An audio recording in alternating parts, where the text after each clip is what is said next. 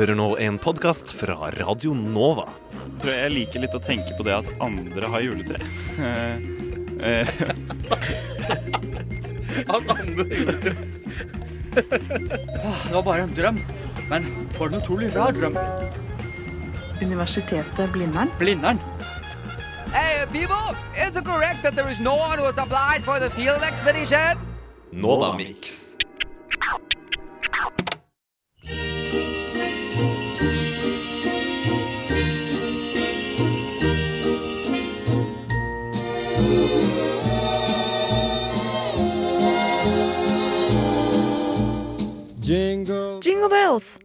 Sunget av Frank Sinatra.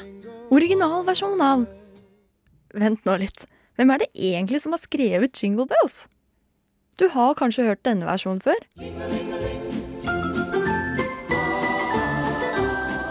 Og denne?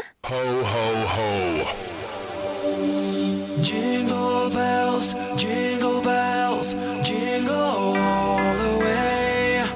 Og ja, kanskje til og med denne.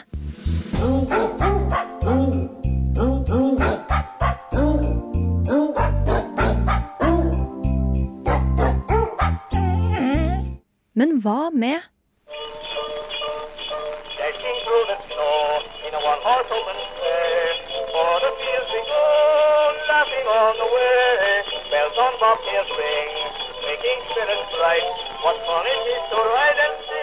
Edison Mail Quartet er de første som spilte inn sangen Jingle Bells. Og som kvaliteten tilsier, er denne versjonen datert helt tilbake til 1898. Likevel skal vi enda litt lenger tilbake i tid for å finne den originale og første versjonen av Jingle Bells. Årstallet er 1857, og en mann ved navn James Lord Pierpont komponerer det han kaller The One Horse Open Sleigh, eller som vi kjenner til som Jingle Bells. Ifølge American Music Preservation komponerte ikke James Jingle Bells med tanke på høytiden julen, men det var ment som en sang komponert for vintersårstiden. Tenker du nå at det kan jo ikke stemme, julen blir jo nevnt flere ganger i sangen. Hør om igjen, julen blir faktisk ikke nevnt en eneste gang i Jingle Bells. Dashing through the snow in a one-horse open sleigh. Over the fields we go, laughing all the way. Ha, ha, ha. Bells on bob. James' inspirasjon var de årlige enmannshesteslederløpene som foregikk på vinteren. Dessverre så ble James' versjon aldri spilt inn, men det er fortsatt utallige versjoner med sine egne twister og vrier på denne kjente låta.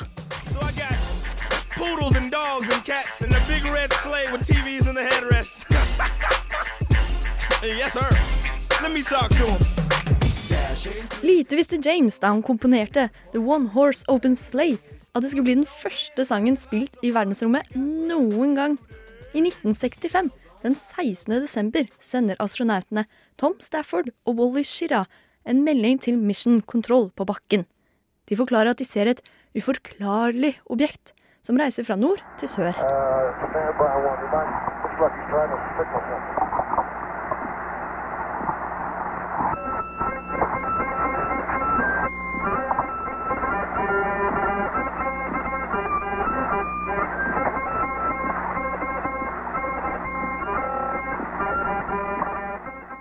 Wikipedias liste over hvem som har spilt inn Jingle Bells, teller til nå over 125 forskjellige innspillinger. All fra Nat King Cole til Crazy Frog nevnes. Med andre ord betyr det at det finnes en versjon av Jingle Bells til enhver musikksmak.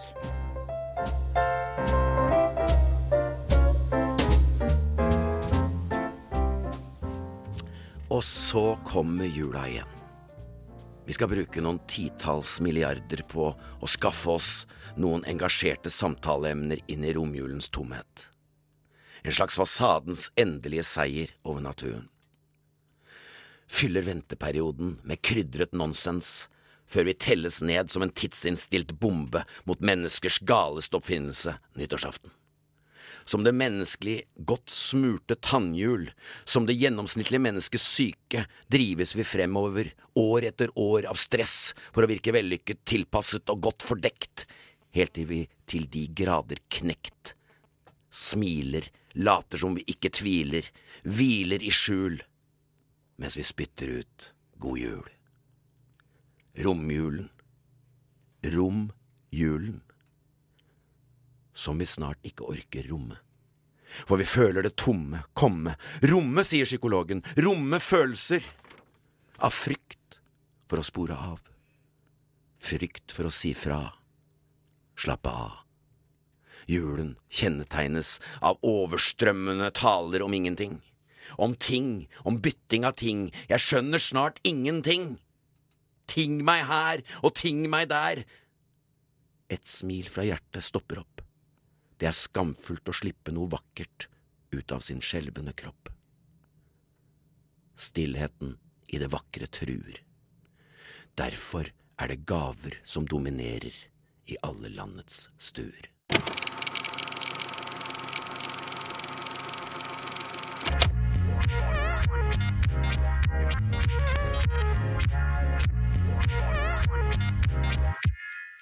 Du hører nå en podkast fra Radio Nova.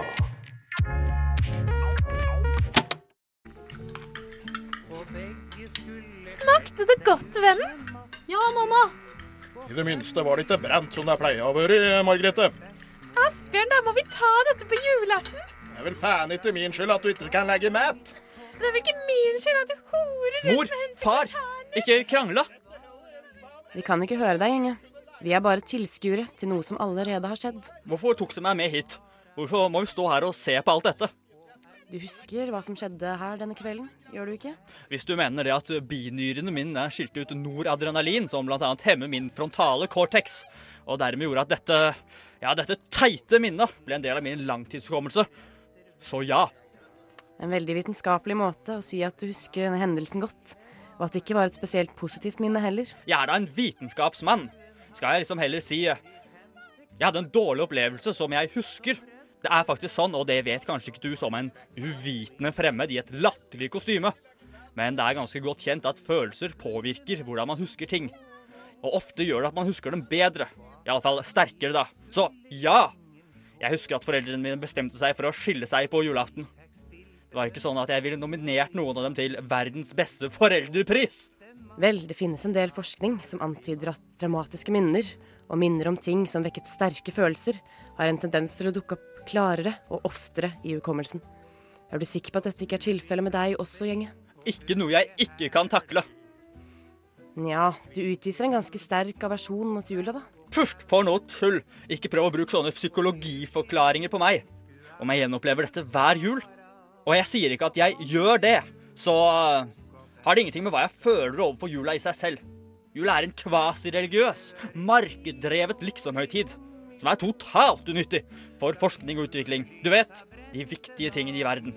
Hvis du sier det, så. Ja, det sier jeg faktisk. Så få meg nå vekk herfra, før jeg anmelder deg for grov kidnapping. Okidoki. Åh, oh, åh, det var bare en drøm.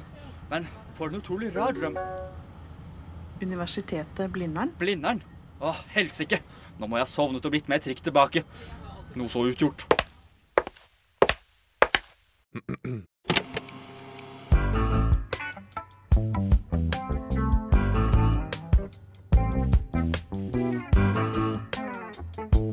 You're listening to Radio Nova.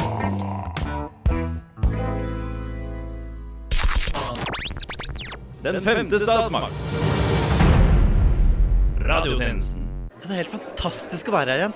Åh, herregud, jeg husker da vi var her forrige gang og skulle redde verden. og ja, Det er så mange minner som er gjemt i de veggene her. Og Hillary har jo han kan tatt av reguleringen sin sist, til og med. Jeg er i Paris for å ta tempen på klimatoppmøtet og landet på rundt 20 grader romtemperatur. Men til alvorets hete. Jeg står faktisk midt i oppkoket av politisk visvas. Og jeg er ikke den eneste som svetter i dette rommet. Her sitter verdens toppledere og vrir seg i kampens hete i lærstoler. Og da skjønner dere vel hva jeg mener. Hei, du, Skal vi stå sammen under oppropet, eller? Ja, jeg har visstnok kommet midt i det som kan se ut som oppropet for dagen. Representantene står som perler på en snor, og stolt viser de frem navnelappene de har festet på brystet. Og våre norske politikere er som alltid pliktoppfyllende. Her, Men det er to som glimrer med sitt fravær dette året. Representantene fra Japan og Venezuela ble nektet adgang til årets begivenhet da de sist gang, ifølge ryktene, ble tatt i å kysse med tunge. Utenriksminister og leder av klimatoppmøtet, Laurent Fabius, blåser i en fløyte, og dag nummer fem her i Paris kan bare begynne. På dagens agenda er valget mellom en ekspedisjon for å se klimaendringene på nært hold, og en teknisk tilnærming til faget panfløyte. Hey, people, is it correct that there is no one who has applied for the field expedition? Panfløyte er så mye morsommere. Har du, har du meldt deg på panfløyte? Ja, ja, kult. Jeg også. Da er vi på samme gruppe. Alle representantene ser ut til å være enige om én ting. Det er gøy å være på klimatoppmøte. Likevel, opplegget de resterende dagene kan bli hardt. Her står krav om å holde tale, ha en mening om noe, og ikke minst den største utfordringen av dem alle å bli enige. Hvis det skulle komme til å skje, ville det i så fall blitt en historisk begivenhet.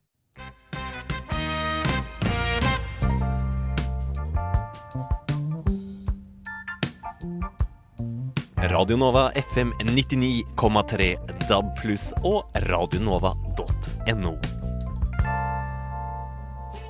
Hans Egil Egeland, fotballspiller. Abid Nainai, politiker. Trude Fesland, skuespiller. Jonas Finland, lokal bonde med en hemmelighet. Josefine Albertine, stripper, lokalpolitiker og nynazist. Vær hvem du vil.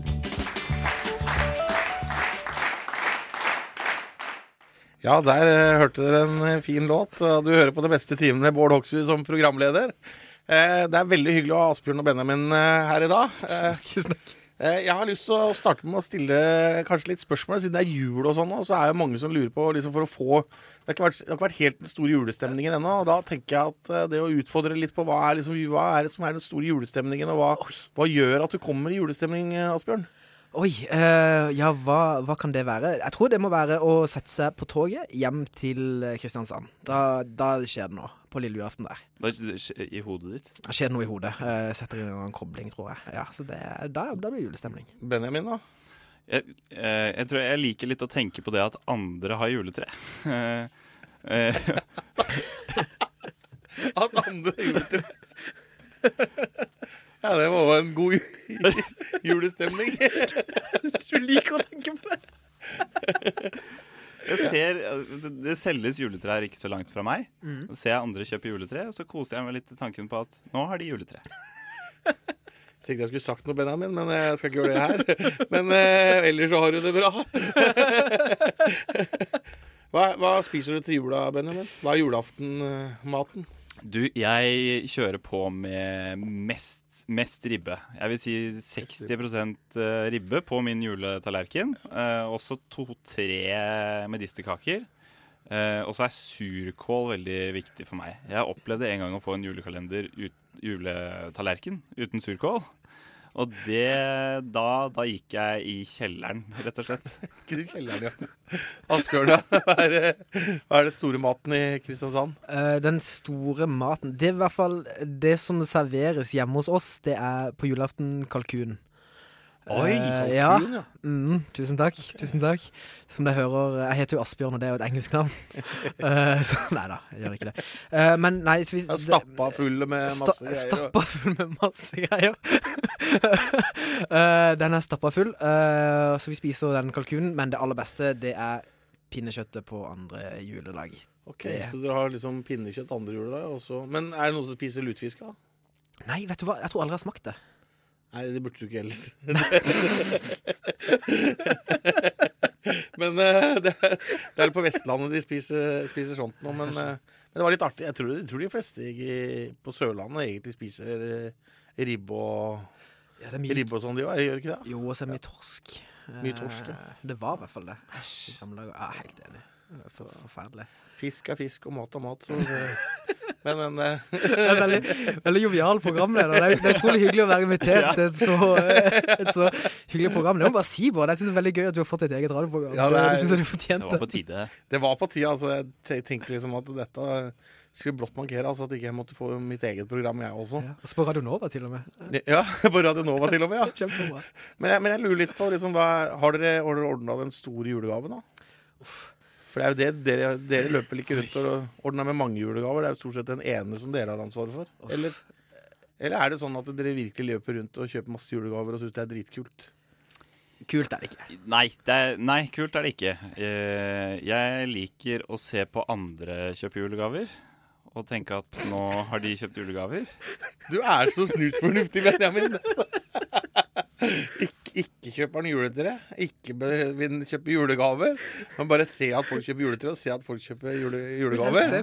Det er type. Hvis jeg ser andre her ute på juleshopping, så tenker jeg sånn Nå blir noen glad. Mm, ja, mm. Vakkert. Det er kjempeflott, da. Men du da, Asbjørn? Nei, jeg, jeg har vel jeg har strengt tatt ikke begynt helt ennå. Uh, men det skal sikkert ordne seg på et vis, tenker jeg. Uh, man finner jo alltid ut av noe. Men jeg har, uh, noen ganger så er det vanskeligste er å finne ut hva man skal ønske seg sjøl. Mm. Og det er jo ganske forferdelig, egentlig, at det skal være sånn. Men eh, det er litt vanskelig å lage den ok, hva kan man egentlig ønske seg? Men du vet at alle de som driver forretning, de er veldig glad i sånne som deg. Ja. For det, de som kommer 23. desember klokka halv åtte på kvelden, det er de beste kundene. For det er de som legger igjen mest penger, fordi de vet ikke hva de skal handle. Eh, eller på, på julaften. Hvis du kommer på julaften, så er det enda bedre kunde. Så eh, jeg, jeg tror du burde begynne å tenke litt på hva er, liksom, hva er greia nå. Egentlig så kunne du kanskje avslørt noe her. Hva, hva har du tenkt å kjøpe til den eh, Oi.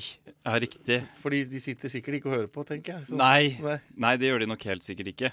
Eh, nei, altså jeg, jeg tenkte kanskje å ta med min kjære og se på andre uh, kjøpe julegaver. For, det, for det, det er jo noe som alle syns er hyggelig å se på, tenker jeg. da Bare Ja, gå litt i julegaten og sånn. Se på alle gavene vi kunne ha kjøpt. Tar du da med deg dama og går rundt i Bogstadveien 22. desember, og så sier du Vet du hva, dette er min julegave til deg. Uh, Det er du som spør nå om det er Bård som er programleder. Ja. Glemte rollen. Glemte Ja, men, rollen. jeg, jeg må jo bare stille det gode, det gode spørsmålet videre. Eh, kan, kan du gjenta spørsmålet? Jeg husker, jeg husker ikke hva du sa. Eh, vil du da eh, for eksempel 22. desember gå med henne ned Bogstadveien og så bare si med en gang Vet du hva, dette er min julegave til deg, og se på andre kjøpe gaver? Det er absolutt høyt oppe på lista. Ja. Mm. Eh, nå tenkte jeg på en ting Jeg skal si fra hvis jeg kommer på hva det var. Ja. Spennende. spennende. Takk. Jo, jeg leste at forsikringsbransjen sier det at eh, 23.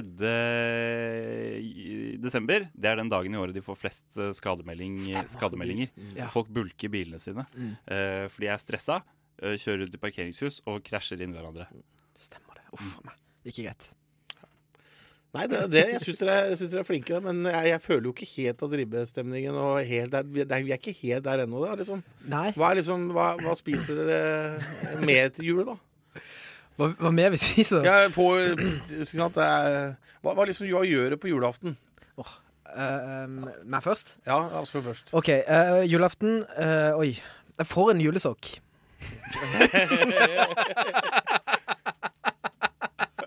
Det får jeg òg. Det er viktig, da. Takk til deg. kom. Ja, eh, Det er en deilig tradisjon, det, da. Det, vil si, eh, åpner julesokken, der er det sing. Eh, så jeg starter jo alltid dagen med, med 1200 kalorier og, og, og et sukkersjokk. Eh, og det gir jo mye julestemning. Eh, men samtidig er ikke så Det blir ikke noe julestemning av dette heller. For dette julegodteriet er ikke, det er ikke en favoritt, det heller. altså Det fins bedre ting der ute enn det. Men er du kjerka, for eksempel? Eller? Nei, men jeg er uh, på gravsteinen. Dette, dette er det som gir meg mest, uh, mest julestemning. Det er å, å kjøre fra Kristiansand til Vennesla. Eh, 15 minutters eh, biltur.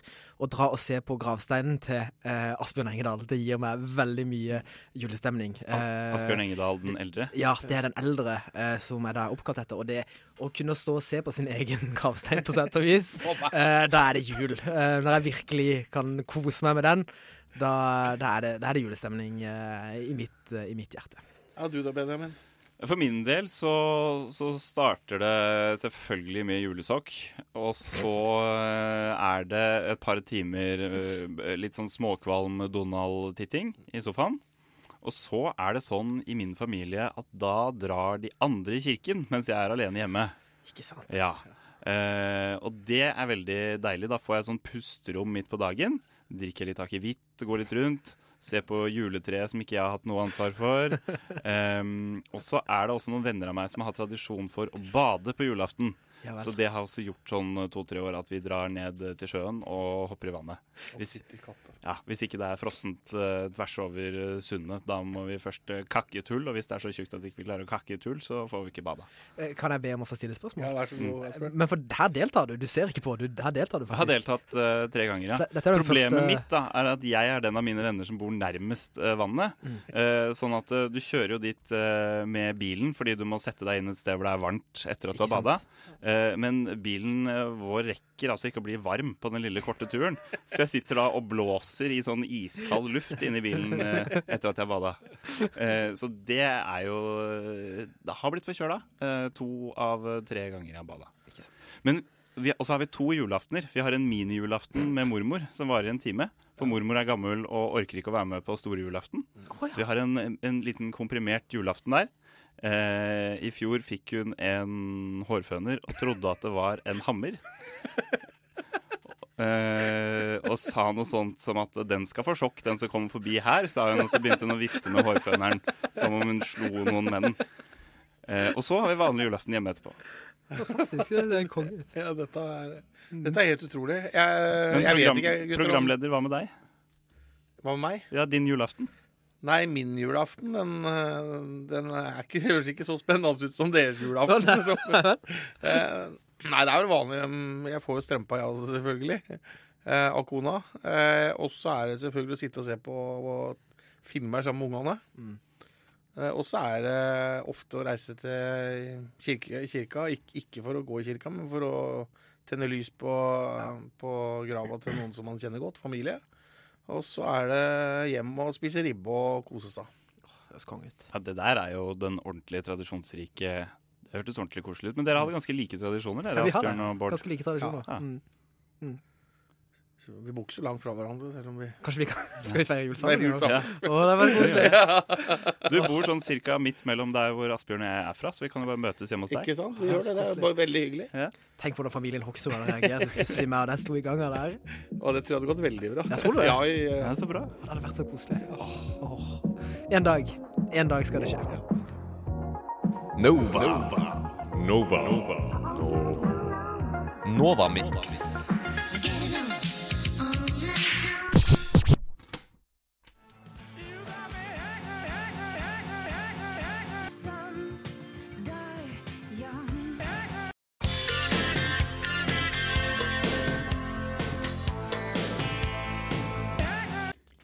Ja. Ja. Uh, dette her er en spalte som uh, Det ble er helt til. grei. Den er helt Den er, politisk den er helt korrekt. eh, politisk ukorrekt, og, Og den korrekt. bryter med Vær varsom-plakaten, som vi håper Hva? å bryte. Er det politisk ukorrekt? Ja. Ja, da er jeg ikke med. Vil du ha noen julenisser eh, når du tenker på det? Nei, eh, det men er, jul, eh, juleskum Det er det er svinefett i svi, svin Du i spiser ikke det, gelatinen. Ja. Gi meg noe svin. Du, uh, politisk ukorrekt, uh, Nilsen. Kristoffer. Det er jo det du pleier å gjøre, er det ikke det? Litt sånn bæsje Nei, på jeg er vidda. veldig politisk eh, korrekt, fordi eh, jeg har fått vite av eh, Det norske Arbeiderparti at eh, kunsten skal provosere.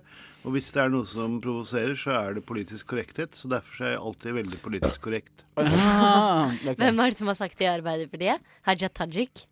Å, Hadia. Å, du er så forelska i Haja. Har du Hadia. sett eh, portrettet til Nilsen og Haja, eller? Alt med kjærlighet, Hadia. Mm. Ja. Men det, var- det var litt uh, det. Rastafari. Hæ, det var Rastafari over det maleriet? Jeg tenkte Hva som- faen er det, Hvor er det du kommer fra? Førde? Ja, sånn så jeg det. Et eller annet fra Sør-Amerika, tenkte jeg. Ja. Ja, Jan Bøhler, hva syns du om han? Jan Bøhler, hva syns du om Jan Bøhler? Nå hadde jeg et eh, deilig lite bilde av Hadia på netthinnen, og så skal dere komme og ødelegge. Så det dårlig gjort. Kan du fortelle åssen det bildet var? Jeg er så interessert. Jeg er så interessert. Det er, det er ikke til å sette ord på engang. Er det Er det liksom på ferie i Las Palmas i bikini, eller er det liksom på isgrottetur i Nevada med lærerstropper og Nei, overhodet ikke. Vi, eh, vi Det er på en politisk konferanse Vi på går på Barcode, ja. eh, årsmøte i Arbeiderpartiet. Mm. Å ja. Åssen var det? Du er jo med i Arbeiderpartiet, eller? Nei, nei, jeg er upolitisk eh, Korrekt. Eller er eh, ikke poli partipolitisk uh, tilknytta. Mm. Men hvilket parti hadde du vært med i, ja? MDG? Nei, egentlig ikke. Eh, du hadde vært med så klart i SV. Jeg sa det her om dagen til en MDG-politiker at det er best å ikke være med i noe parti, for da trenger du ikke holde, være ansvarlig for hva resten av partiet finner på. Ja, sånn som Tøyenløftet, som SV brøyt med. Tøyenløftet som SV brøyt med, Hausmania-saken Ja, skal du Hallo? Her om dagen så var det en kompis som kom bort til meg og bare Øy, du blir med og Nei, jeg burde ikke si det her på radio. Jo, det kan du, det kan du si. Er det å Jeg er gjest, så jeg kan si det. Ok, Det som skjer, er at hvis ikke dette blir ordna til det beste for Hausmania, så blir det krig! Åssen da? Krig? Krig? Nei, altså Jeg Jeg jeg foreslår av at vi tar krigen til Torgata, for der har de fått brostein. Ja. Og det etter eh, 68 Å, 68. Eh, så Det, du var åtte år i 68. Sju. Jeg var der året etter. Jeg var der Faren min ble banka av snuten i opp, opp, etterdønningene av 68-opptøyene. Er det ja, sant? Han ble det. Ja, det er sant. Det er kult, da. Ja. Snakker dere mye om det når dere spiser pinnekjøtt og ribbe? Nei, jeg tror han aldri har snakka om det sjøl. Jeg jeg tror han er litt flau, men poenget var at han skjønte ikke at han skulle løpe. Han sto der som en Ja, Han så at de hadde slengt opp en barrikade. ikke sant? Det er det som er hele poenget. Du må finne en gate i gamle Pariser eh, hva heter Var det her i Paris? I Latinekvarteret i Paris. Ja. Så er det jo jævlig mye brostein. Ja. Eller var jævlig mye brostein, for etter det så tok de og la på asfalt. Sånn at de bare brekka opp all brosteinen, og så hadde de en barrikade, ikke sant? ja. Eh, og det- Hva mener du brekka opp? Brekke det opp med et brekkjern eller et eller annet. Du tok vekk brosteinen? Du, ja, du tok og brekka opp eh, brosteinen sånn at du kunne løsne den, og så kunne du hive den opp i en svær barrikade. Ja. Og så kunne du også bruke det som skyts og hive på snuten. Shit, ass. Ja, ja, ja. Burde det. hatt på Og det kan du gjøre nå, for nå har de brolagt hele Torgata, ikke sant? Så dette er jo midt i blinken. Så det er Har ikke tro Brogata Nei, Tørrgata vært brolagt? Nei. Nei, ikke på samme Brostein. måte. Ikke på samme måte. Har vært Men, Brogata eh, i brostein, og det Og var torg du- på Torgata. Da har du skyts og barrikade og alt, da. På, for Hausmania, ja. Ja. Vi skal slåss fra Hausmania ja. mot det nye Når skjer det? rød-grønne byrådet. Ja, hva faen skjer med det, liksom? Det er jo helt sjukt. det Det er sjukt whack, liksom. Ja, det er back. Ja. Det er skikkelig back, altså. Ja, det er det. Men uh, vi var jo egentlig inne i selvmordsspalta her. Stemmer det. Men jeg skal bare ha ett spørsmål til. Hva Ja, er det det kan man jo, Nå som politiet har våpen, så er jo det å stå på barrikadene for revolusjonen faktisk Et kan være en selvmordshandling. Det er sant. Og den er, er Men er det selvmord så lenge det er ubevisst, eller når det blir bevisst? Jeg tenker at et selvmord må være bevisst, må det ikke det? Ja, har du ikke lest b- den siste tegneserien min? Nå tok du meg litt på senga. Er det en ny tegneserie? Når kom den ut, da? Påske... Var det ikke den du kom ut med i år, da? Du har ikke lest den nye tegneserien? Ja, faktisk, det er mulig jeg ikke har lest den siste tegneserien. Sorry. Du har Det- ikke lest når punken kom til Lefsevika? Ja! Ja, ja, ja, selvfølgelig. Det er, for det har ikke kommet noe etter den. Men det er jo Nei, bevisst synes jeg ikke jobber hardt nok. La det ligge her, da. Jeg orker ikke mer dårlig stemning nå. Nå vil jeg pr prøve Har du kjeften full av Ja, altså, jeg spiser kjeften full av uh, svinegelatin. Veldig overraska over at dette er han Hannah Rocks-mannen. Ja. Michael Monroe. Låta var Hva, Hva het låta? Jeg tror du mente hvor lang den var. Jo, låta var tre, tre.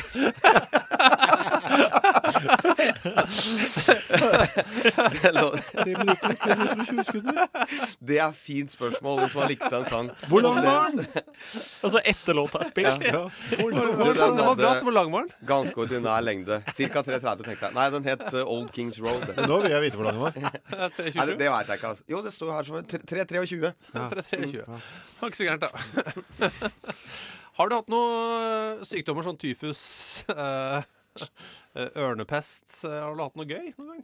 Hvorfor så du på meg med det blikket nå? Du har hatt det. Så hva med sånn, ikke si noe. Ikke si Ikke, noe. noe, ikke røp det ved begge to veier. Nei, altså noen sånne rare, rare sykdommer. Ja, Noen gøyale tropiske eller bare et eller annet som er sånn Parasitter som er krøpet opp. Som du forteller om, vet du hva? Jeg har en pa- parasitt som ble myndig i fjor. Nei, nei, vet, nei, det har jeg ikke. Jeg har det- ikke noen sånne eksotiske sykdommer å Skuffende. skryte på meg, egentlig. Har du skadet deg på noe kontroversielt vis? har du, har du, litt spennende, har du noe spennende ting? Um, Med kropp? nei, nei, jeg har ikke det. Herregud. Hvis, det, hvis man skal fortelle om uh, sykdommer eller skader, så bør det helst være morsomt. Ja. Og der har jeg ikke noe å fare med. Så jeg, det må vi avlyse. For jeg jeg møtte en fyr en gang med tyfus, og så tenkte jeg jeg, jeg, jeg vet ikke hvordan jeg skal forholde meg til det. Så så Men sykdommen tyfus Tyfus, ja. Eh, eh, Fins den fortsatt? Ja da. Ja, han, han, han, hadde, han hadde det. Jeg vet ikke om jeg får lov til å si det på radio, eh, hvem det var. Men jeg kan si Det kan du si, bare si det lavt. eh, Og så kan du si at det blir mellom deg og meg og et par til. Ja. Vet du, jeg, jeg, jeg skal gjøre det mer sexy. Si, han er en av verdens mest kjente nordmenn. han er jo det. Ja. Det kan vi si. Ja, ja, helt uten tvil. Jo, men er det Eh, sånn er I musikk, i musikk. OK. I musikk. Morten Harket? Vi er i nærheten. Vi er. Eh, Tyfus. Er veldig spennende. Eneste sted jeg har hørt om tyfus, bortsett fra i det tilfellet du nevnte nå, ja. det er i Emil i Lønneberget, ja. hvor du kan få tyfus, og da blir du blå. Stemmer det er det eneste jeg veit. Du blir blå av tyfus, blir ja. blå ja. Tider, det. Mm. Og Tyfus Marie, selvfølgelig. Ja, selvfølgelig. Eh, Det var ikke så fremskreden, tror jeg. Eh, Han virket ganske pigg der og da. Du, men du har hørt om Tyfus Marie, ikke sant? Nei. Har, har du ikke det? Nei. Så det var liksom allmenn. Du har hørt om henne. Eh, jeg, husker, jeg kan ikke historien, Typhoid- men nei, nei, men ikke sant, man- man har liksom- Mary. Ja, man har hørt om henne. Ja. Vet du hvor mange du smitta? Nei. 40 eller noe.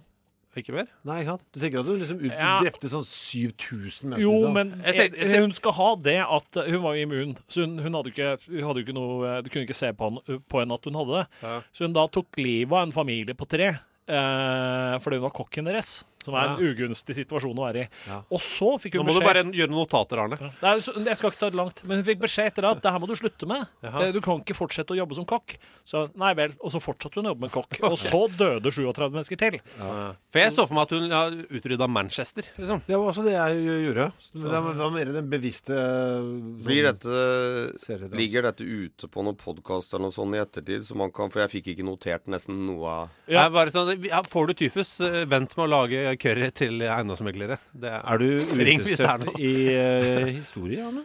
Om jeg er flink? Uinteressert? Uh, nei, jeg er ikke uinteressert. Jeg er ikke, jeg er ikke likegyldig, men jeg er ikke så Så hvis vi lager en Jeg er ikke så researchende alltid på historie. Det er en bedre innfallsvinkel sånn intervjumessig.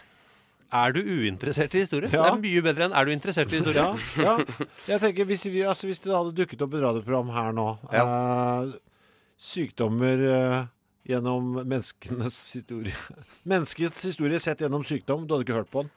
Hadde ikke? Eh, nei, ikke, ikke usett, nei. Men hvis vi kaller programmet 'Hjelp, skrittet mitt faller av' da, Eh, da tror jeg ikke jeg hadde tatt det så veldig på alvor, egentlig. Okay. Nei. Hva slags sykdommer er det som gjør at skrittet faller av? Gi meg ett eksempel. Lepra? Bølerose. Bølerose, ja. Det, den er fæl. Den er fæl. Skal vi du- se. Da Hva er neste sang?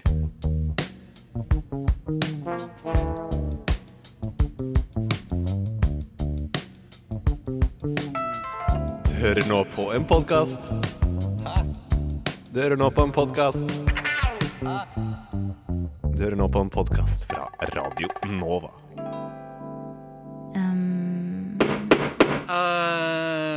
Emneknaggen. Bør motivasjonsbrev innføres som en del av opptakskravet til høyere utdanning i Norge? Tidligere i år så søkte Universitetet i Bergen eh, Kunnskapsdepartementet om å få innføre dette, men i høst ble det kjent at de fikk avslag på søknaden. Hensikten til UiB var at motivasjonsbrevet skulle føre til at færre studenter faller av studiene, noe 40% gjør ved universitetet per dags dato. Eh, og argumentasjonen deres var at hvis du ikke klarer å skrive hvorfor du er motivert til et studium, så er det ikke sikkert det er der du vil eller skal studere.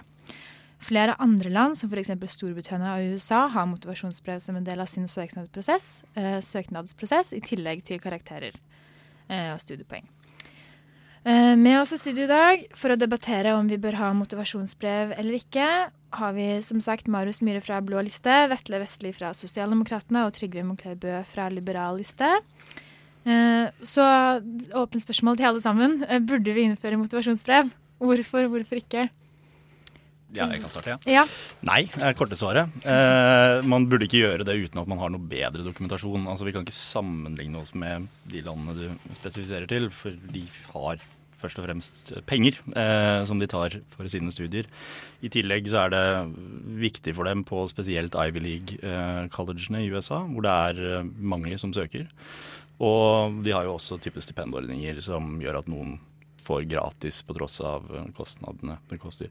I Norge, hvis man skal innføre det, så må man i hvert fall ha noe dokumentasjon for det. Det har vi jo ikke i testa ut i Norge. Man bør ha en prøveordning i en periode og se funker det faktisk. Da kan man vurdere om man trenger å ta det inn. Men sånn umiddelbart på alle høyere utdanning i Norge, så bør man absolutt ikke innføre det helt uten videre. Så det betyr at du er positiv til en prøveordning? Det er jeg. Ok, ja. Ok. Man må prøve ut alt eh, som man kan prøve ut for å få ned eh, frafallet i høyere utdanning. Det er viktig. Hva med dere andre? Jeg kan uh, ta over der.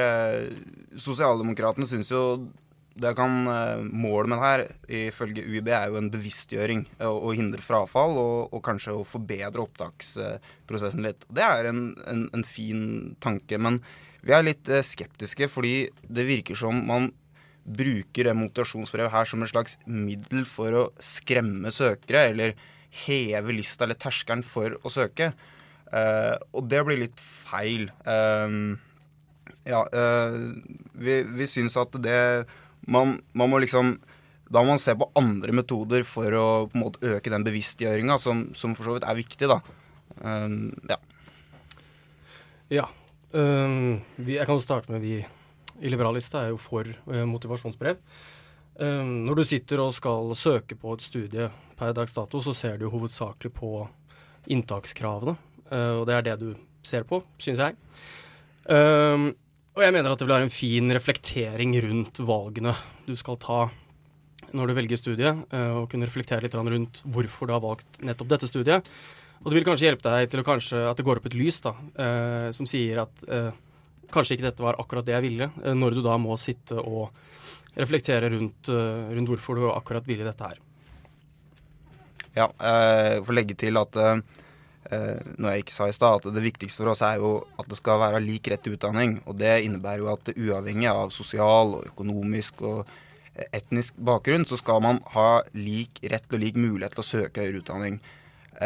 Det går jo an å tenke seg at det vil være litt problematisk f.eks. For, for en person med minoritetsbakgrunn da, å skulle skrive et sånn brev som det her. Eh, igjen, bevisstgjøring, og det her er flott, men jeg tror det er andre måter man kan gjøre det på.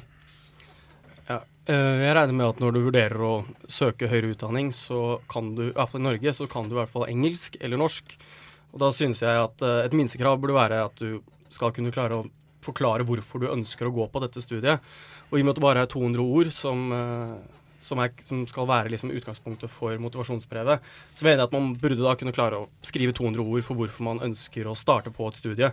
Og, og jeg regner med at det vil også bli tilbudt på engelsk eh, og, og norsk, da. Så ja, det er min tanker om det. Ja, altså Jeg er enig med refleksjonene som, du, som Liberal liste gjør rundt det her. Eh, vi i Blå liste ser altså først og fremst så kommer det jo til å være ekstra påkostning eh, med penger. For du må jo nødvendigvis ha folk som skal lese gjennom det, eh, så det ikke bare er prosessen i å skrive dette brevet som er viktig. Eh, samtidig, og, eller, og gitt at man må ha det, så bør man ha en viss dokumentasjon før man begynner å bruke millioner av kroner på eh, denne prosessen. Eh, jeg regner med at grunnen til at ikke alle departementet stilte seg imot dette, var ikke så mye av prinsipielle grunner, men mer pga. hvordan samordna opptak fungerer, og hvordan dette her blir litt komplisert eh, å få gjennomført med dagens system.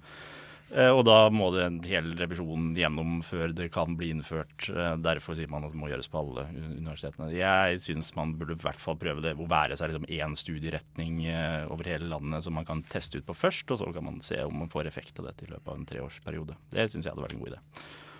Ja, Trygge. Um, uh, ja, nå diskuterer vi på en måte avslaget UiB har fått fra å innføre motivasjonsbrev. Um, så jeg regner med på en måte at å starte på UiB, da, eksempel, eh, med dette her, eh, innenfor eh, på visse fakulteter eller innenfor visse studieretninger vil være en god start for å få en pekepinn på hvordan det fungerer. Uh, å starte på et landsomfattende basis vil jo være veldig voldsomt, vil være veldig voldsomt som et utgangspunkt, men jeg mener virkelig at å kunne titte på hvordan det fungerer på bachelornivå er, er absolutt fruktbart. Og det har jo blitt gjort på masternivå på en del uh, studier eh, i, på, på UiO. Eh, og det blir på en måte noe helt annet igjen, da, men eh, man, man har jo sett at det også har vært veldig effektfullt ved at ja, nettopp studenten reflekterer rundt hvorvidt det skal ta denne masteren eller starte på det, om, det er klar, øh, om studenten er klar osv. Og, så videre, da. og et sånt motivasjonsbrev da, på starten av bacheloren vil ja, være litt likt. Um, for argumentet til UiB var jo at hvis du, hvis du ikke klarer altså litt tilbake til dette med motivasjon og sånn, hvis du ikke klarer å skrive hvorfor du er motivert til et studium, så er det ikke sikkert det er det du burde studere. Tenk, hva tenker dere, tenker dere at, at, det stemmer, eller tenker dere at eh, men, men, det må da kunne være mulig å være motivert uten å nødvendigvis kunne uttrykke seg skriftlig? Ja. Ja, altså jeg tror nok de er inne på noe der. Altså Nå er det, hvis jeg husker tallene riktig, så er det 37% av student- eller høyere utdanningselever som fullfører på normal tid.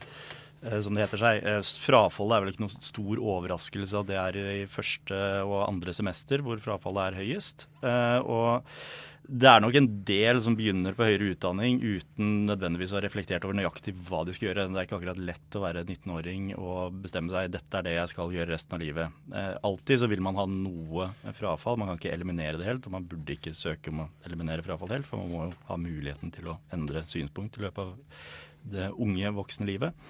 Men uh, 37 er jo altfor høyt. Eller for lavt, uh, blir det jo. Uh, så ja, det er nok en del studieretninger som det er høyere frafall, grunnet at folk ikke nødvendigvis tenker over hva det innebærer å studere akkurat det og det.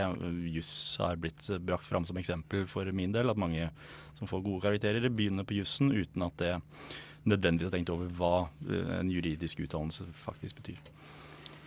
Jeg kan si at ja, det er nok mange som, eller en betydelig andel i dag som begynner på høyere utdanning, som kanskje hadde trives like godt i mer yrkesfaglig retning og sånn. Men jeg tror at man heller da kan se på hva gjør man, hvordan tar man imot studenter. da. For eksempel så har studentparlamentet vedtok i høst at vi skal få til noe som kalles en læringsmiljøkontrakt, som avklarer forventninger, rettigheter og plikter mellom student og universitet. som man har første uka eller i forbindelse med fadderuka. da. Og det kan fylle den funksjonen og den bevisstgjøringa både for er høyere utdanning noe for meg? Er det her riktig studieretning? Uh, og et eksempel, eller noe som kan være et eksempel til etterfølgelse, er forvei, som man har på MatNat på UiO, hvor man liksom møter nye studenter, møter de vitenskapelige ansatte, og man snakker om liksom hva forventer vi av dere, hva forventer dere av oss, og så får man liksom liksom tatt opp alt i starten. Jeg tror, jeg tror løsninga er mer det enn å på en måte heve terskelen og gjøre akademia mer utilgjengelig. Du hadde en kommentar, Trygve? Uh, ja, det du nevnte med denne avklaringen i starten av fadderukene, er på en måte noe som skjer når studentene allerede har startet på UiO. Uh, dette blir på en måte noe i forkant. Uh, jeg liker ikke å bruke ordet preventivt, men, ja, men det er noe som skjer i forkant, som bevisstgjør studentene på nettopp det det du snakket om da, den avklaringen i uka, på en måte blir dobbelt opp. Og så mener jeg at vi er vel alle enige om, vi som sitter her, at dette her er ikke det som kommer til å gjøre at folk uh, ikke slutter i studiene sine. Men jeg mener at dette er en fin, liten ting i forkant av starten av et studie øh, som kan gjøre at ja, nettopp de som skal søke, får tenkt seg litt bedre om. og det er som sagt bare 200 ord, og, og 200 ord er ikke er ikke spesielt mye. Det, det, er ikke spesielt vanskelig å få det ned. Og dette er refleksjoner jeg håper de som søker, i utgangspunktet har gjort i forkant for seg selv, i sitt eget hode eller med familie. Det er noe med å bare få det svart på hvitt og kunne se på det og sitte for seg selv og tenke over det. Eh, hvis det hadde vært lengre, da kunne du jo søkt hjelp fra familie eller søkt andre. eller Det er jo ikke et motivasjonsbrev på samme måte som eh, når man søker motivasjonsbrev til Oxford eller ja, alle disse andre stedene. Dette er en litt mindre ting som, eh, som skal bare være med på å belyse uh, og sette søkelys mot, uh, mot studievalget du har gjort. Du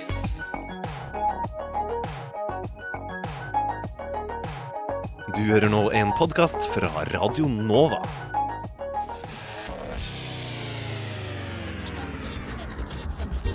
Du hører på Kvinnesaken på Radio Nova.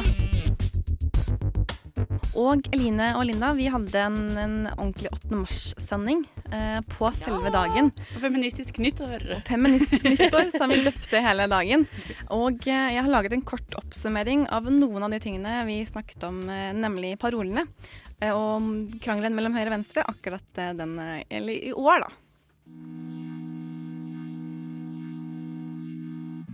Det er jo mange sånne frem og tilbake om dette med feminisme og sånne ting. Så var det en kommentar i Vårt Land hvor man mener at den internasjonale kvinnedagen bør handle om at man ser seg selv som del av et større system vi ikke selv har valgt. Et system som gjør noen til undertrykkere og andre til undertrykte. Ikke fordi noen er snille og andre er slemme, men fordi noe er urettferdig. Det er Mm. skrevet av Sara Mosta, som er kommentator der. Mm. Og det er veldig sant. Ja. Det er litt sånn Ja, men jeg har det så fint, så hvorfor skal jeg bry meg? Det er litt sånn mentalitet. Ja, det er det. Men vi har funnet parolene. Ja. Det er interessant. Hovedparolen i Oslo det er jo 'stopp regjeringas angrep på kvinners rettigheter'. Mm. Veldig politisert, da. Veldig. Det legger opp til at det er ikke helt vennskap mellom venstrefløy og høyrefløy. Men nå må det jo sies at møtet for hva som skal være paroler, det er helt åpent. Folk leverer inn ønsker, og så stemmer man. Så hvem som helst kan bestemme hva som skal være paroler. Dagrun Eriksen i KrF hun har skrevet en eh, sånn kort kommentar Mm. hvor hun sier at um, som sentrumsfeminist gidder jeg ikke som høyresiden å surre bort 8. mars med å klage på venstretidas manglende inkludering i parolene i toget.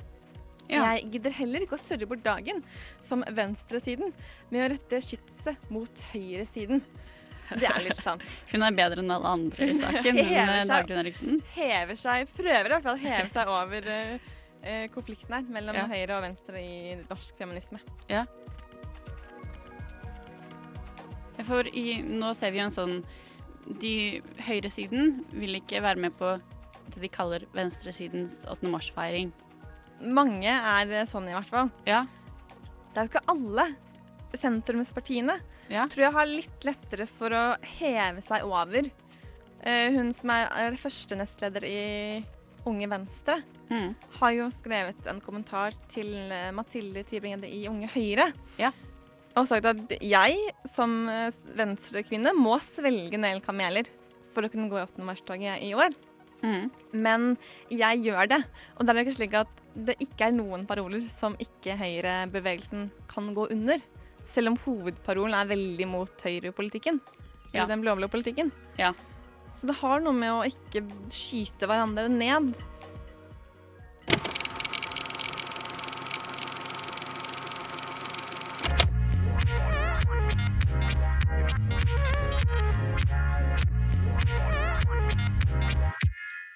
Du hører nå en podkast fra Radio Nova.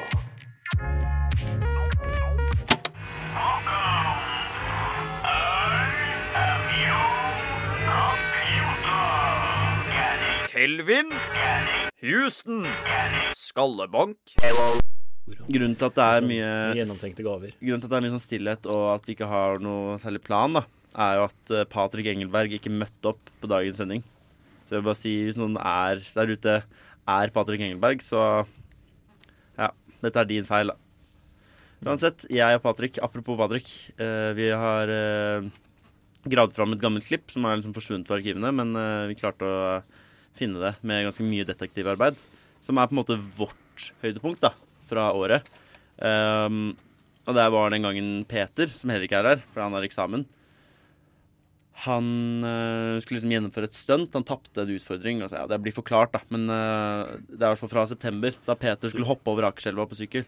Jeg, har du fått klipp av det? Ja, vi har Jeg tror det var borte for alltid. Nei, vi har klart å få ut uh, noe klipp.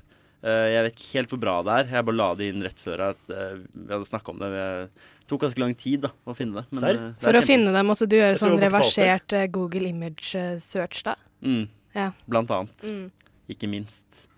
Så det er ganske spennende. Jeg fant det på sånn bootleg tsjekkisk eh, MP3-side. Som hadde liksom kapra kapra det, da. Det er flaks at vi har mange lyttere. Hæ? Det er flaks at uh, Hvor mange lytter? Ja. Det er flaks at vi hadde den ene sendinga på tsjekkisk som slo så innmari an. Men uh, kan vi bare høre på det nå? Så er det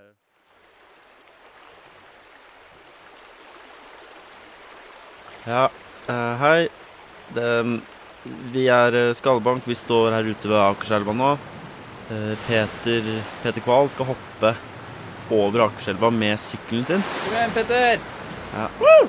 Det er eh, litt kaldt. eh. det er jo ofte det i september, men eh, Det er, det er, varm, det er, er varmere i dag enn det har vært i det siste, Simen. Uh, Altså, det har vært varmt i det siste, men det er varmere i dag. Ja, det er faktisk ålreit uh, temperatur, altså. Men, uh, men ja, det det begynner å bli ganske sent. Men Peter har avtalt Eller har- Peter har tatt en utfordring som dere kanskje husker forrige uke, da, på, her på skadebank, Så, så han må hoppe over. Han har jo BMX-sykkelen sin, som han har skrytt veldig mye av. Nå skal han endelig få satt den i bruk, da. Jeg foreslo jo på forhånd at han skulle bruke en Apache. Mm. En Apache-sykkel som kanskje har mer sånn aerodynamisk design enn en BMX, da, som er ment for å trikse med. Men det her er helt opp til Peter. Jeg la meg ikke opp i det hele tatt. Men, så stemningen er til å ta og føle på her nede. Ja, det er eh, Vi er ikke så mange, men mellom oss er det veldig sånn elektrisk eh, stemning, da. Eh, vi håpa kanskje at den få noen trekke noen liksom, tilskuere som ville se på og sånn, men eh, ja. Altså, det er jo- Samme det. Det er jo mest for liksom, gøy og for moro. og Ja, det er jo friskt uh, her ute nå, men selv om det er varmere i dag enn det har vært i det siste, som vi sa i stad. Mm. Uh, men det at vi deler den mikrofonen her nå og står og Det er jo stemning her, og det er jo elektrisk, som du sier. Mm. Vi Mm. koser oss. Vi har Toddy med. Ja, nei, men jeg har egentlig gleda meg veldig til at Peter skal hoppe over her. For det, Ja, det har blitt mye spenning den siste uka, og alle har liksom gleda seg litt til det i redaksjonen og sånne ting. da. Eh, Du merker jo at Folk sitter jo og vrir seg i stolene opp på Radio Nova og, venter, og det har vært mye Ja. ja. Det her blir jo ikke sendt live, men eh, det er jo Det blir sendt i morgen tidlig, da. Mm. Så vi gleder oss veldig til det. Jeg vet ikke Pet Peter, har du tenkt å Han hører deg ikke, du. Det er for langt oppe. En ting jeg vet om Peter i det siste, han har ikke følt seg 100% Har vært litt snufsete. Kan si at jeg har ikke vært helt i 100, jeg heller. Litt sånn Det er litt sånn, du vet når du sovner midt på dagen på sofaen, og så våkner du, og så har du litt vondt i hodet, på en måte. Mm. Ja, ok, jeg skjønner. Ja, jeg har på en måte vært Jeg har ikke vært syk, men jeg har vært sånn sliten, jeg, da. Er Mye jobb, ikke sant. Husker jeg begynte jo med ja, de greiene på jobb. Jeg skal ikke gå inn på det nå, men jeg har snakka med Pater om det. Det er, liksom, det er greit nå, det er ikke det, men, Nei, nei. eh, Ja, men, men det var en liten periode der da det var ganske tøft. Jeg vet, Simen, du, det her har vi vært igjennom. Det er ikke noe Og forresten driver du fortsatt og legger deg litt på sofaen etter jobb og sånn? Ja. Det er farlig, vet Jeg syns det, det er jo på en måte kan være digg, men Farlig, vet ja, Plutselig så sover du der et par timer, får faen ikke sove til natta, vet du. Så våkner du og har litt vondt i hodet og Ja. litt sånn uggen og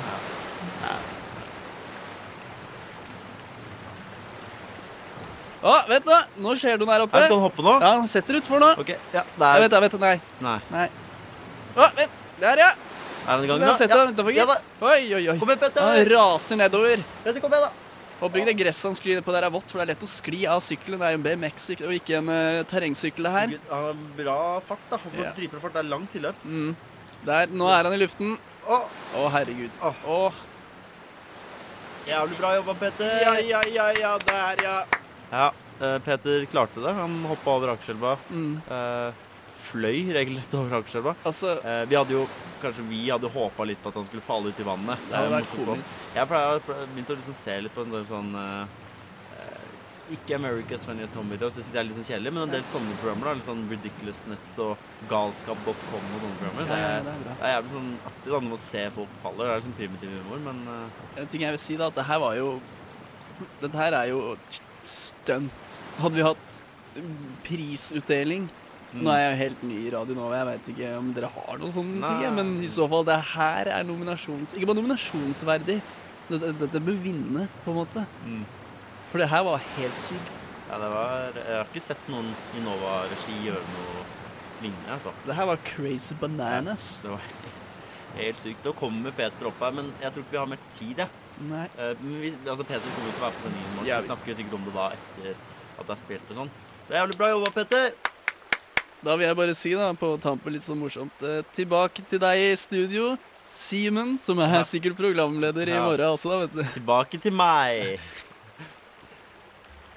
Skal vi stikke på Fridays, eller? Ja, jeg er litt sånn Jeg er ikke sulten. Jeg er litt sånn Men sånn fysen på noe? Ja, digg- fysen på noe. Jeg vet ikke, en en froyo eller Mm, sånn shakes. Ja.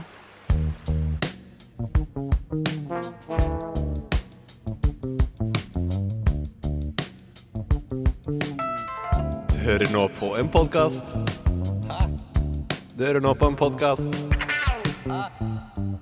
Du hører nå på en podkast fra Radio Nova. Don't let me finish. Can now be heard. Okay. I'm not fucking finished in the back of the voice and the voice now. Well, I've still not finished. Nova Noir. Vi er ikke ferdige ennå. I can't go fast because Michael Caine talks very, very slowly. Den er så sykt Hva sa du? Det der var med vilje. De gjorde det med vilje. Og Fordi nå du er visste tiden det kom inne på for å radio. kåre Sjokolademus, altså. førsteplass av årets topp ti kinofilmer. Og nå trenger vi noen trommer. Nei, du må- Eller en ørn. Kan ikke vi alle si det i Er kor, da? Kan ikke vi alle si det i kor? OK. Tre, to, én Mad Max! Første. I 3D. Det, nydelig, nydelig, nydelig. Uh, Apropos cinematografi, bare liksom Jeg har, sagt, eh, jeg har sagt helt siden i sommer at eh, 2015 er year of the mad. Uh, og nå har vi beviset her på Nova Noir med å kåre Mad Max Fury Road til uh, den beste filmen. Men kan jeg bare stille et spørsmål? Eh, Er det noen av dere som hadde Mad Max på førsteplass? Jeg. Du hadde det? Ja. Og så var det veldig mange som hadde den på andre og tredje. Okay, For lytterne som ikke vet hva vi snakker om nå, alle i, rad i Nova Noir sendte inn en liste med sine topp ti filmer, og så drev vi med sånn poengsystem, da, som sånn mm, eh, mm, MGP. Ja. Så dette her er jo da vår offisielle liste, sånn eh, akkumulert. Jevn vinner. Ja. Det er en veldig jevn vinner, fordi de fleste hadde den enten liksom midt på eller ganske høyt. Og da blir det jo, i motsetning til Vi hadde veldig mange som hadde noe på førsteplass som ikke kom med, eksempel, på lista i det hele tatt. Jeg har ikke sett den. Nei. Du har ikke sett den? Jeg så Nei, den nei, eh, tre ganger på kino. Eh, Men det er akkurat derfor jeg følte at det var så viktig at vi hadde den her på lista. Fordi eh, det var det det en av de filmene som var sånn Med en gang jeg kom ut, det sekundet jeg kom ut, så tenkte jeg faen, jeg har lyst til å gå og se den igjen. liksom Ja, og, men den er jo sånn helt fra starten av så blir du bare sugd inn i filmen. Eh, og for å quote Kevin Smith, det er en to timer lang film. Og å se Mad Max Fury Road er som å få en to timer lang blowjob. Når du, når du først kommer, hvis du kommer etter en halvtime, så bare fortsetter det. Altså, det bare Det gir seg aldri. Det er så intenst hele veien gjennom i to timer. Uh, har vi et lite klipp? My world is fire and blood. Everything is dependent on oil. We are killing for gasoline. The world is almost out of water. Water. Now there's the water wars. Here they come again.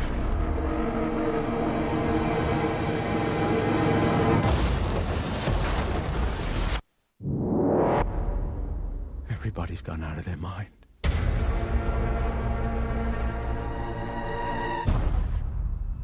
You're not the only one, Max.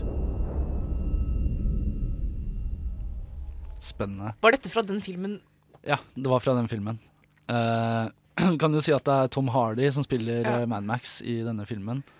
Uh, og Charlize Theron spiller uh, Furiosa, en eh, en uh, kjører en sånn war rig, altså en lastebil som skal kjøre og hente supplies. Og så stikker hun av med konene til uh, Immortal Joe. Som eier alt. Ja, som eier. Han, har, han styrer alt vannet de har. Han er jo gud, da. Ja, han er en gud. Alle de som bor der, eh, tror han er udødelig, og at uh, han skal ta dem med til eh, Valhalla Ja. når eh, de dør. For dette er jo ganske sånn norrøn eh, mytologi. I Ja, sånn eh, dystopisk Fremtids- 50 dystopi, eh, ja. Ja, litt. Det er veldig kult hvordan de liksom har bare brukt eh, sånn litt fragmenter og på en måte bygd det opp som ja. Men det er samme regissør som på de originale Ja, det er George, George Miller. Og det er fantastisk at når du ser den filmen her, så er det en 70 år gammel mann som har lagd den. Det tenkte jeg på da jeg gikk ut av salen. Er det Ja. det? Er han 70 år gammel? Ja, Shit, og han som spiller Skuespilleren som spiller i Mortal Joe. Han var det skurk- eh, skurk i en av de. Han var skurk i ja, den første, første Mad Max-filmen Mm. også. Ja. Så um, Gamle menn. Gamle menn Ja. eh, gjør det best. Nei, men eh, altså det er eh, Jeg syns det var en helt fantastisk film. Eh, jeg er ikke sånn stor fan av actionfilmer, men eh, dette var en actionfilm jeg likte veldig godt. Ja, for det er akkurat det, fordi Før jeg skulle se den, så hørte jeg noen som Ja, den er kjempebra, den er sykt intens. Det er bare sånn masse action. da, Veldig lite handling eh, og plott, egentlig. Lite dialog. Og da tenkte jeg sånn Dette kommer jeg til å kjede meg gløgg av, holdt jeg på å si. Det er, Ja. går ikke an å si. Men uh, det var jo det George Miller også ville. Han uh, sa jo at han ville bare lage en uh, to timer lang biljakt. Han gjorde det. Og Det det gjorde bra. Og når de spilte inn, så lagde de bare spilte inn sånn overalt i filmen, liksom. De hadde ikke noe sånn kronologi kronologisk rekkefølge på det whatsoever. Og så er det Så- nesten utelukkende med praktiske effekter. Ja. Det er kjempekult. Og Tom, Tom Hardy klarte ikke å se for seg hvordan filmen skulle bli mens de spilte inn. Jeg tror han mista litt trua underveis, men, eh, Men det, er, det trengte han ikke. Det er så bullshit det greiene med Og nesten bare praktiske effekter. Men fuck off. Det er så jævlig mye green screen og CGI i den filmen at det er helt sykt. Ja, det er mye CGI, men også mye da praktiske effekter som de har brukt i tillegg. Da. Det er jo ikke Hobbiten. Ja, ja, altså, Det er ikke Hobbiten. det er mindre, men det er fortsatt jævlig mye. Helt klart. Jeg husker jeg så en sånn uh, promofilm der det var masse sånn kameramenn som liksom hang oppå sånne stolper som svingte fram og tilbake. Jeg vet ikke om det gir noe mening for dere. Jo, det, det er jo noen biler som har sånne stolper hvor de står og svinger, så de kan svinge seg over på andre biler og sånn. Så er det han som filmer dem, er vel på sin egen stolpe. Ja. ja. da det man mye for. Nei, men jeg, jeg syns det er helt passende at det, hvert fall at den er veldig høyt At den er på førsteplass da, på lista vår. Fordi dette er en film som er sånn Dette er jo på en måte en historisk film, vil jeg egentlig si. Fordi den gjør noe så sykt fett som ikke er sånn vanlig å gjøre. Det er sånn, jeg, jeg vet ikke om jeg kommer til å huske Boyhood per se. Jo, kanskje Boyhood, da. Men si, eh, kommer jeg til å huske It Follows eller Nightcrawler om 20 år. Kanskje ikke, men Mad Max tror jeg er en sånn film som vi kommer til å se tilbake på og tenke fy faen, den var jævlig fet. Jeg er totalt uenig.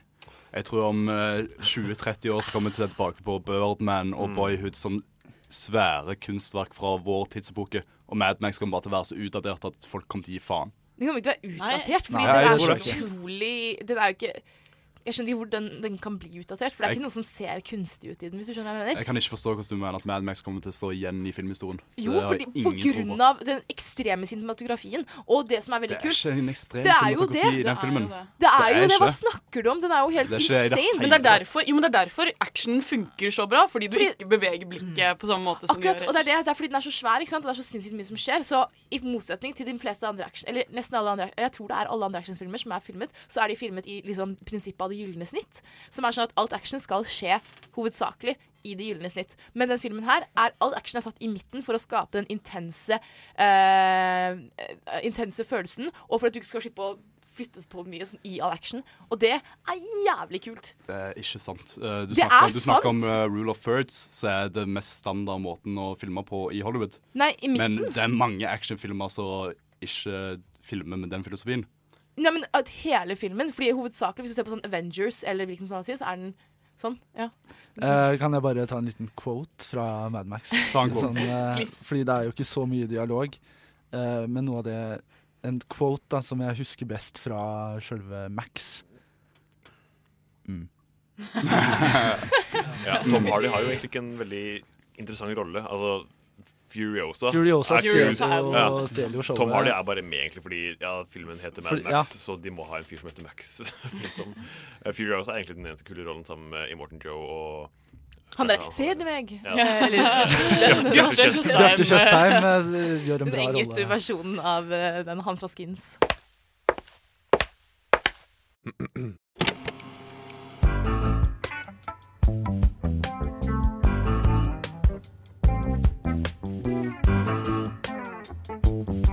listening to Radio Nova.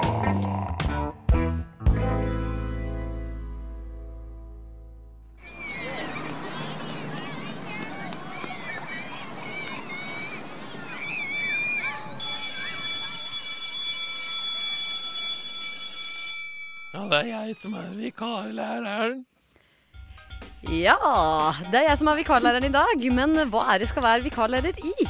Du, eh, jeg som er rektor i dag, kan eh, meddele eh, Jeg sa tidligere at det var geografi du skal ut i. Hvordan er geografikunnskapene? Eh, som alle andre kunnskaper jeg har, dårlige. Ja, okay. ja, nei, men det passer glimrende. Fordi dagens tema er det noe alle vet hva er. Alle har hørt om dette. Men det er, det er kanskje ikke så mange som har så mye å si om det.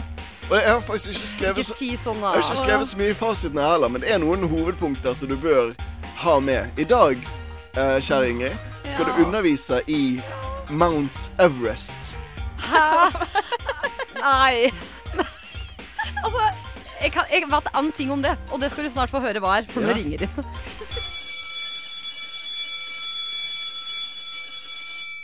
Ja, hallo, god morgen til klasse 3A.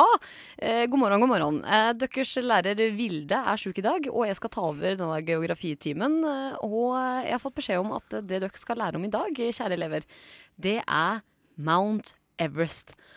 Eh, og skal jeg si dere hva det, det viktigste du må vite om dette her er? Det er at det er et fjell. Eh, det er et fjell. Eh, og det det er det høyeste fjellet i hele verden. Og vet du hva? Det er nå, nå skal jeg, Vil du vite hvor mange meter høyt det er? Ja. Ja. Det er 2842 meter høyt. Er det to, uh, to Hæ? Eh, To, åtte, for å si, fire, altså, to, kom åtte? eh, Nei, nei, en gang til. Fordi at jeg vet sånne høye tall er litt vanskelig for dere som er i tredje klasse. Så da sier vi først er det et totall, så et åttetall, og så et firetall, og så er det et åttetall. Eh, så det er så mange meter høyt er det. Tenk hvor mange mennesker det er oppå hverandre. Og det som er med dette fjellet her òg, at det er et veldig farlig fjell. For ser det er så høyt, så blir det øverst på toppen, så er det veldig tynn luft. Så det er veldig mange, Og så er det veldig kaldt, for du blir så høyt over bakken. Eh, opp i tåka, opp i vinden. Og der er det mange, mange som dør. Så når du går veien opp dit, da må du rett og slett følge lika. For at det er så mange døde der. Altså, Det burde jeg ikke fortelle til dere. Ikke si det til læreren deres at jeg har sagt det. Men følg lika. Følg lika. Men kom, kom, kom, når, når besteg de det første gang? Du, det skal jeg fortelle deg. Det, det var i eh, Altså, jeg er litt dårlig på årstall, men det var i 1906. Eh, da var det første mann som gikk opp på Mount Everest. Takk for spørsmålet. Bare hyggelig. Uh, Du, en siste Hvor ligger dette her? Hvor ligger Mount Everest? Eh, du, det ligger Hvilket, hvilket land? Uh, det ligger i kontinentet Europa. Mm. og det ligger Det ligger i Sveits. Ja. Takk. Ikke start med å le. Det er ikke gøy. Ikke le. Men det klarte jeg faktisk ikke å slutte å Nei, jeg klarte Ikke å si holde at du vet dette, her, Amanda. Nå blir jeg provosert. Ja, men Veit du hvor eh, Mount Everest ligger? Ja, jeg tror det. Ja, Si det. Få høre. Få høre. Hadde du en feil, først og fremst? Ja. Ja. Det At du må ligger- spørre om det. Ja, men det er bare sånn, det er typisk at jeg driter meg ut nå. Eh, Det ligger vel i Himalaya-fjellkjeden. Er det i Europa? nei, det er i ved India eller noe sånt, er det ikke? India er det heller ikke, så det er jo Det er greit. rett ved India. Det, Det er nærmere enn Europa. Topp- toppen Ok, nå skal vi ta dette ordentlig og greit, for jeg har jo fasiten her. Dette Flott. kunne jo mye fra før, men det er greit. Nei, Det er hold kjeft, Anders. Hold kjeft. Grensen går akkurat over toppen. Det er landegrense over toppen. På, Ja. Altså midt på. Eh, så den ene delen den er Nepal sin. Ja. Og det andre er Tibet, eller egentlig da Kina sin. Fordi at egentlig Kina mener at de eier Tibet. og sånn Lang diskusjoner som vi Det skal gå inn på. nesten Europa, det, altså. Ja. Men eh, var, var tallet eh, riktig, holdt jeg på å si? Ja. 2848. Kan jeg gjette hvis det er feil? Ja, det som er fascinerende, jeg kan si litt Ja. Eller vil, Vet du sånn nøyaktig hva det er? Nei, bare kom på, jeg tror kanskje jeg husker det når du sa det. Ja. Uh, er det 4860 Nei, tulla. To? To? Nei. tror- nei. ikke nei. Du, hvis, du, hvis du fortsetter denne hvis du, For nå doblet du omtrent fra Ja. Ingrid. Hvis vi dobler en gang til, så er vi i mål. Oh, ja, så det er 8642? Nei. Nei. 8848. Men jeg husker tallene! Ja, for det, for det som er så vilt, her er at du hadde de tre siste tallene riktig, men på det første bommet du med 6000 meter.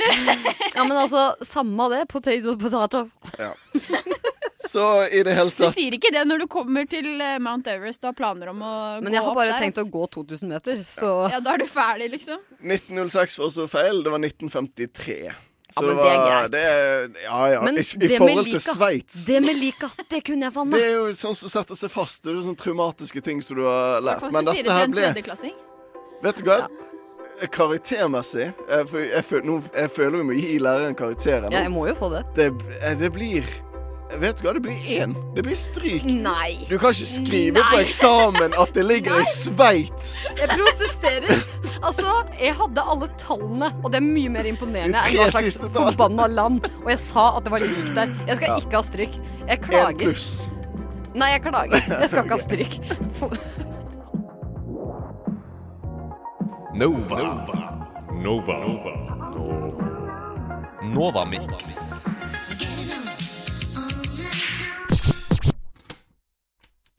Hmm. Nei, ikke den. Skal vi se Til vanlig sitter hun begravd under et fjell av bøker, men i dag sitter hun dypt konsentrert foran laptopen. 19 år gamle Frida Marianne Dragseth er i sluttfasen av sitt første semester på bachelorgraden i psykologi. Det har vist seg å være hardt. Jeg finner rett og slett ikke riktig gif. Nå har jeg verdens mest krevende eksamensperiode, og så er det ingen av Google-søkene mine som føles relaterbare nok. Pausen fra studiene har nå vart i tre døgn. Det nærmeste hun har kommet den perfekte giffen, er en dansende afroamerikansk baby med teksten 'Me when exams are over' under. Men den treffer liksom ikke så presist. Og jeg er jo ikke en svart baby. Uh, hva med dette, da? Uh, psychology, exam, celebration, cool girl. Jeg skulle jo tro at jeg i det minste ville få opp noe på Nietzsche eller uh, Kirkegård, men dette er jo lavmål. De fleste av disse resultatene er ikke gifs engang. Uh, men hva tenker du dette sier om studentsyken? Det at du ikke engang kan fortsette eksamensarbeidet før du har funnet Det vet da vel ikke jeg? Fy faen, ass. When done with exam, happy champion Frida. Ah, Nei, ikke den. Ikke den, ikke den Eh, Nei, ikke den her.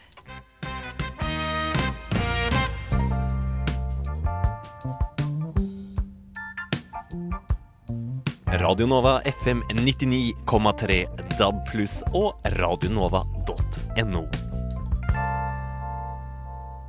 Topp tre! Topp tre! Topp tre! Topp tre!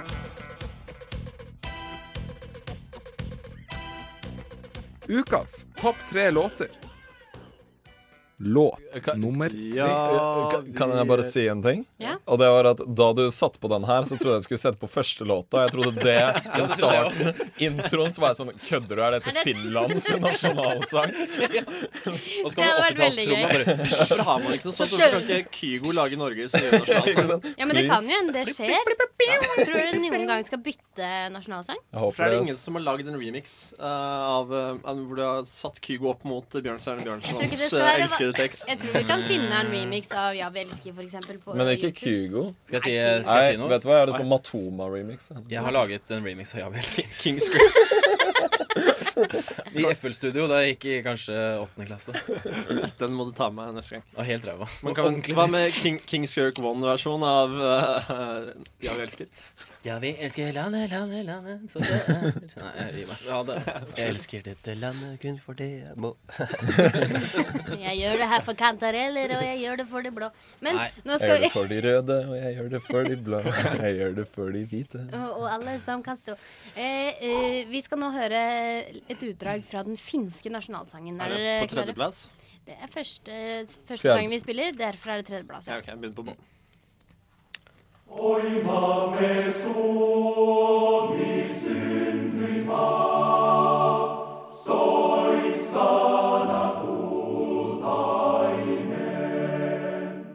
Dette likte jeg veldig godt. Dette ga meg julestemning. Ja, julestemning. Men det synes jeg er veldig gøy at jeg, står, sitter her i studio med fire gutter, og så hører vi på den finske nasjonalsangen. Tenker jeg, det er en rar situasjon. Og så vi står og viser respekt mens Ja. du sitter. Faen, ass. Ja, hvorfor har alle dere reist dere også? Jeg reiste meg fordi jeg hadde knirkestol, og så en etter en har de reist seg. Ja, jeg har stått hele tida. Ja, det har du faktisk. Vi står på, vet du. Hva. Gult kort, gult kort. Gult kort. Eh, hva syns dere? Veldig fin og jule... Ja, fin, den. Den, den trøkka greit. Det er sånn mannskoraktig. Mm, hvert fall den versjonen. Ja, den versjonen er ikke sikkert når det er en jente som synger. den, og veldig mannskoraktig. Ja, nei Men uh, ja. Vet dere hvem uh, Finland uh, Hvem som eide Finland før, eller? Er dette vits? Nei, Russland. Det er en Segway. Ja. Russland. Mm. Eh, Sovjet. Er det en rush... Er, er det Nå er en det for mange Segway? vitser her, jeg skjønner ikke. En Segway. Ja, Segway. Nei, men eh, Finland var uh, under Russland Ja. i gamle dager. Ja. Ja. Oi, snakker om Russland. Snakk om Russland. Han prøver å legge opp Eh, å, ja.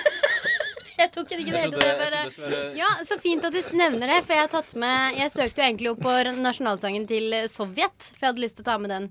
Jeg trodde den var lagt død, men så sier Isak til meg den eksisterer ennå. Men det er funny, fordi da Berlinmuren falt, eller jeg husker ikke hva som 9. skjedde november Riktig bruk av da og når? Når? 9. Nei, det var riktig bruk, ja, da. ok, takk, Ikke takk. endre. 9. november 1989. Ja, bra. Eh, men, ja, men, og så eh, falt hele Sovjetunionen. Men så var det sånn Ah, shit. Men må vi droppe verdens beste nasjonalsang? Ja, vi kan den jo ikke er det. jo bra. Den er dritbra. Men er det samme nå? Ja, Skal dere høre? jeg er ganske sikker. Ja, kommer den på andreplass? Den kommer annenfra, så det er fordi jeg er nasjonalist. Kan jeg tippe at den er veldig sånn mektig og stor? Jeg tror, den er, jeg tror den er feig og tam, akkurat som eh, russisk okay, nå- ut, ut, utenrikspolitikk. Nå, nå kommer den. Nå kommer den. Oi!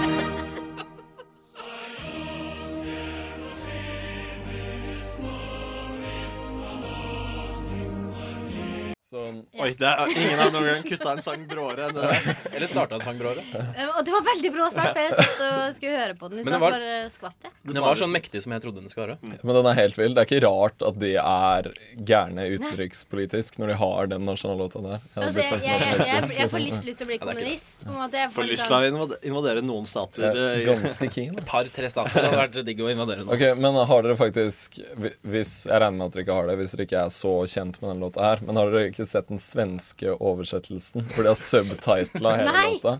Nei, Vi må gjøre det i den neste låt, eller noe, så må bare se den videoen. For det er, De har bare lagt tekster på en sånn uh, ja, Så gøy. Ja. Men Elin, jeg lurer veldig på noe, Fordi Ja. i topp tre låter så pleier vi å spille hele den øh, låta som er på førsteplass. Ja. Skal vi spille en hel nasjonalsang Nei, nå? nei, jeg syns det ble litt for mye, så jeg har valgt 44, 49 sekunder av den norske De beste 49 sekundene. Ja, eh, og det er jo rett og slett fordi jeg elsker Norge. Og det har mest forhold til den, sånn følelsesmessig. Så jeg vet ikke hva dere Vet du hva, Jeg syns det er veldig mye nødrim i den norske nasjonalsangen. Hvis Ja, det det, ja, det er jo egentlig det. Sånn, Hus og hytte, liksom, Og det hus burde rime bedre. Å, hytte, oi Har du glemt Nå satt du virkelig ord på tingene du prata om. OK, vi kjører Ja, vi elsker eh, før vi kjører Mizan og K. Ka- Kan vi synge med? Ja, vi kan godt. Vi kan Men sett oss litt ned, da. Vi elsker dette landet så som det